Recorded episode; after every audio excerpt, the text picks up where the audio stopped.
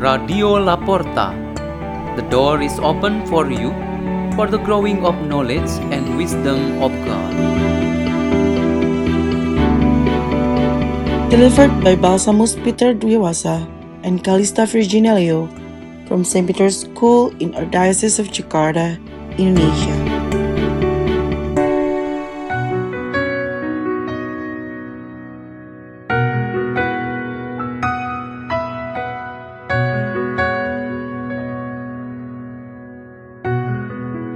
Reading and meditation on the Word of God on Wednesday of the first week in Ordinary Time, January 10, 2024.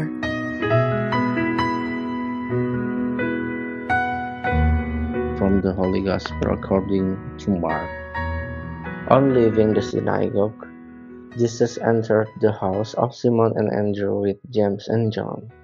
Simon's mother in law lay sick with a fever. They immediately told him about her. He approached, grasped her hand, and helped her up. Then the fever left her, and she waited on them. When it was evening, after sunset, they brought to him all who were ill or possessed by demons. The whole town was gathered at the door.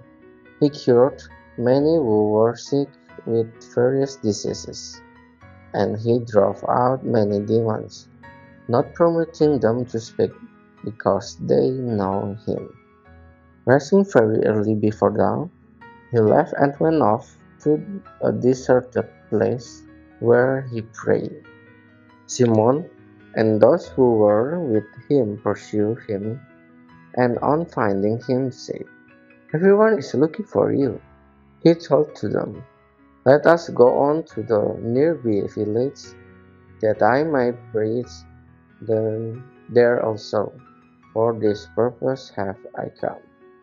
So he went into their synagogue, preaching and driving out demons throughout the whole of Galilee. The Gospel of the Lord.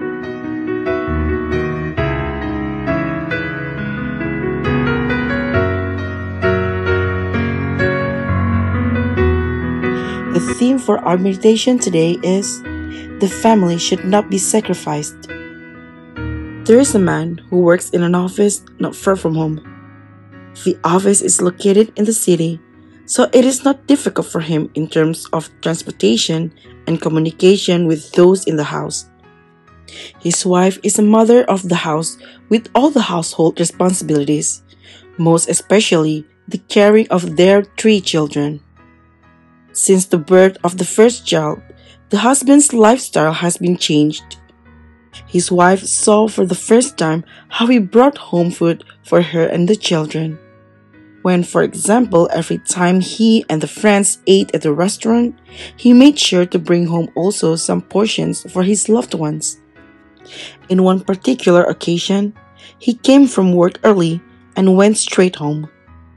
This was unusual because usually after work, he still went with his friends to have fun or simply eating and some relaxation.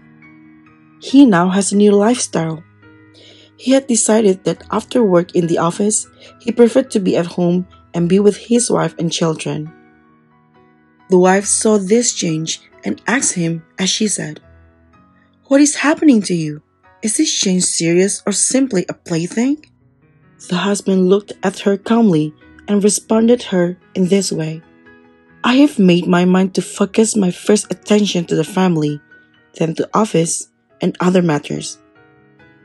This example on how the man had made change in his focus of attention would be a good reflection to our readings today. The term Messiah describes the mighty power in a person. Jesus Christ got this title exactly in the moment when his own people in the Palestine were so eager to make him their leader and could help their nation grow bigger and stronger.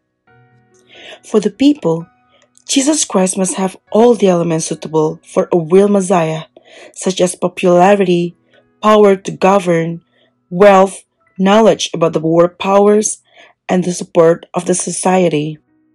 Jesus Christ indeed did not follow the type of perception. He must carry out the will of the Father, which was to serve and to love those whom the Father had entrusted to him. According to the first book of Samuel, the will of God should have been realized with the calling to the very youth Samuel. Jesus Christ made his way to go to the lowest position of human life in this world and be united with the little ones, the sick, the marginalized, and those who had no influence at all in the society. In general, Jesus' mission was to free people from the bondage of sin and all kinds of difficulties. In particular, Jesus wanted to care for our families. He first healed and saved the people in the family so that they in turn could be the promoters and actors in the service of others in the society and in the world.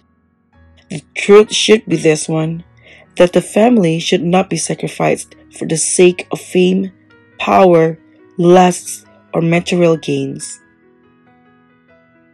Let's pray. In the name of the Father, and of the Son, and of the Holy Spirit. Amen. O Lord Jesus Christ, teach us to love and to be more devoted to our own families. Glory be to the Father, and to the Son, and to the Holy Spirit, as it was in the beginning, is now, and ever shall be, world without end. Amen. In the name of the Father, and of the Son, and of the Holy Spirit. Amen. Radio La Porta. The door is open for you.